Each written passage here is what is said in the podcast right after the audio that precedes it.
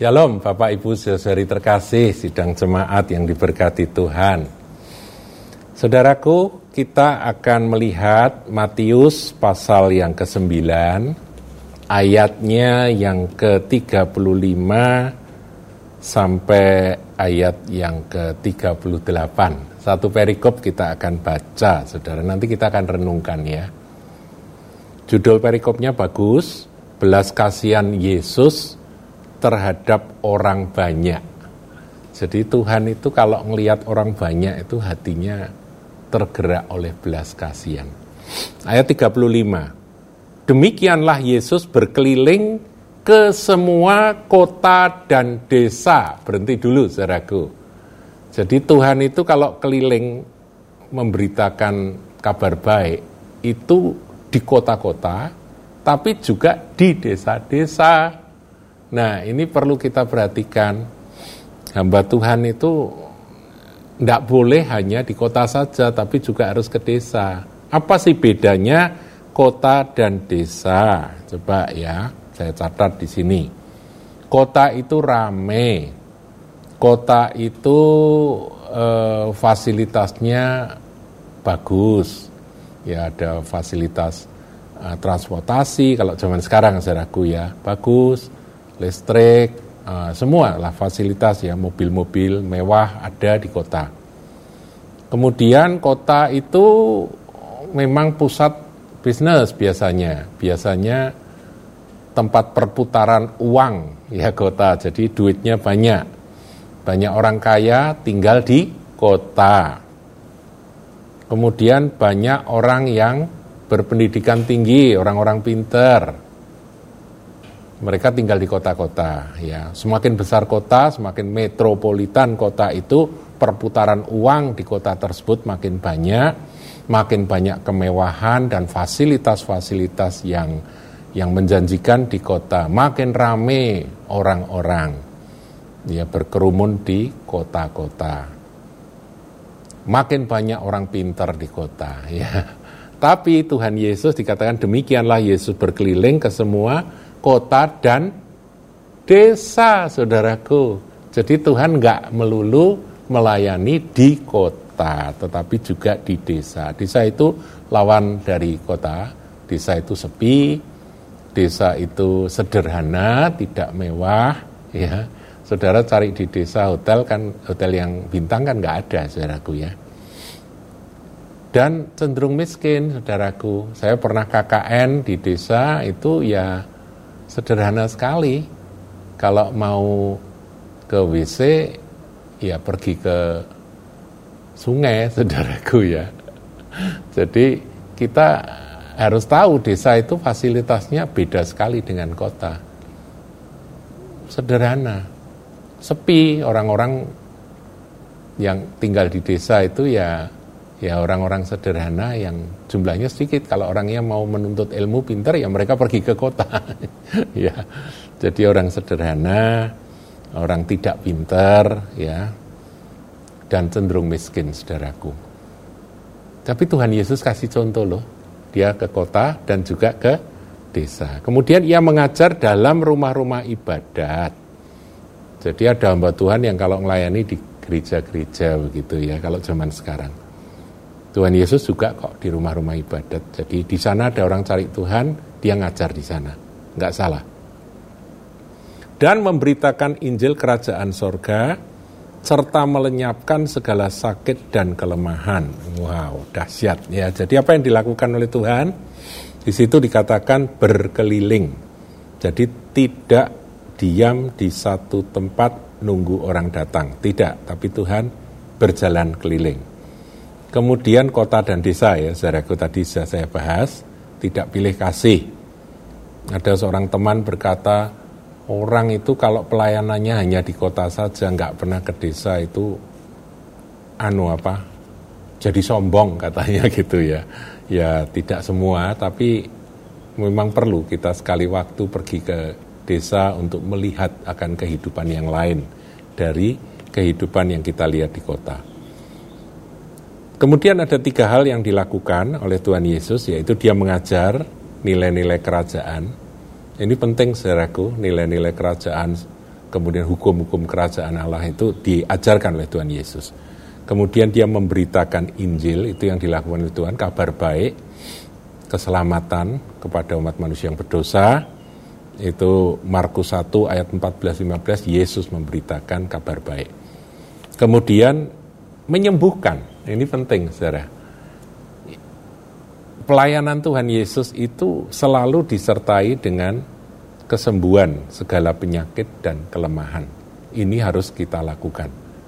Ya, kita juga mendoakan orang-orang sakit dan jangan pernah berhenti. Karena itu yang dilakukan oleh Tuhan Yesus.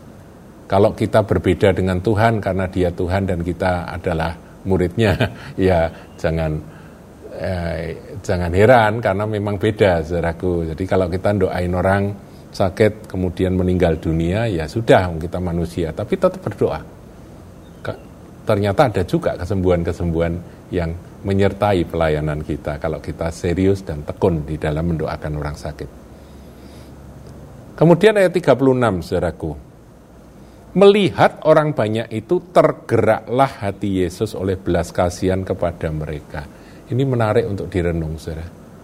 Kita ini kadang-kadang karena kehidupan eh, apa yang serba cepat, kehidupan yang menuntut akan harus begini harus begitu kehidupan yang keras saudara itu kadang-kadang membuat hati kita menjadi keras kita perlu tersungkur di hadapan Tuhan dan minta kasih dan belas kasihan melembutkan hati kita Tuhan lembutkan hatiku supaya aku ini seperti engkau selalu punya kasih dan belas kasihan karena kalau Tuhan Yesus begitu, kita juga harus mencontoh dia Tuhan kita, dia guru kita.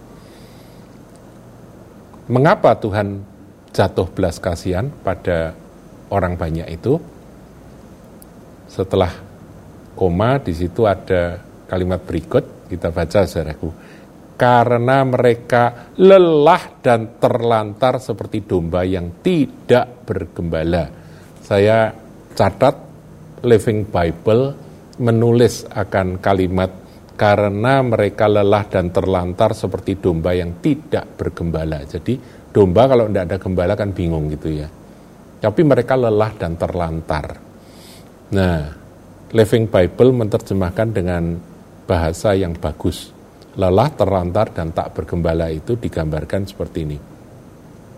Dalam kalimat, because their problems were so great and they did not know what to do.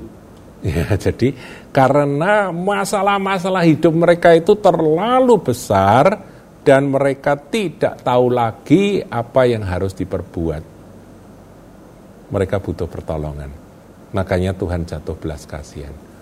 Hari-hari ini saudaraku ada banyak orang yang problemnya itu terlalu besar dan mereka tidak ngerti lagi harus berbuat apa. Mereka lelah dalam menghadapi hidup. Ada istri-istri yang lelah karena suaminya nggak bertobat, nyeleweng, punya will gitu ya. Ada kaum pria yang lelah dengan hidup, karena kerja keras mati-matian tapi nggak pernah berhasil, senantiasa gagal dalam usaha. Ada orang tua yang capek ngurusi anak yang berontak, anak yang nggak bisa diatur, anak yang nggak bisa diarahkan, anak yang terlibat narkoba, bikin ulah, bikin masalah. Jadi memang hidup ini melelahkan, saudara. Dan mereka butuh Yesus. Mari kita membawa Kristus kepada banyak orang yang lelah, terlantar, dan tak bergembala itu. Ayat 37, maka katanya kepada murid-muridnya, Tuayan memang banyak tetapi pekerja sedikit. Harus ada yang garap mereka, saudara. Harus ada yang melayani mereka. Karena itu mintalah kepada yang empunya tuayan supaya ia mengirimkan pekerja-pekerja untuk tuayan itu. Ini satu perikop dan saya ingin kita semua saudara merespon dengan berdoa. Ya, mari kita berdoa. Yang pertama kami minta Tuhan supaya kami tidak membedakan antara kota dan desa. Mereka semua adalah jiwa-jiwa yang membutuhkan kasih karuniamu. Yang kedua Tuhan, ketika kami melihat mereka yang lelah terlantar dan tak ber, bergembala, persoalan hidup mereka terlalu besar sehingga mereka tidak tahu apa yang harus dilakukan. Biar hati kami boleh dipenuhi dengan belas kasihan daripadamu. Tiga Tuhan, kami mau berdoa. Karena pekerja terlalu sedikit, kami berdoa supaya gerejamu bangkit. Dengan belas kasihan yang dari sorga, umatmu, kami semua, boleh bergerak dan engkau utus untuk melayani mereka semua. Kami berdoa Tuhan, berdoa sungguh di dalam nama Tuhan Yesus, supaya Engkau kirimkan pengerja-pengerja kepada dunia yang lelah, letih, lesu, dan berbeban berat, karena hanya Engkau yang dapat memberi kelegaan. Termasuk utuslah kami, Tuhan. Utuslah aku, ya Tuhan, di dalam nama Tuhan Yesus. Haleluya. Amin.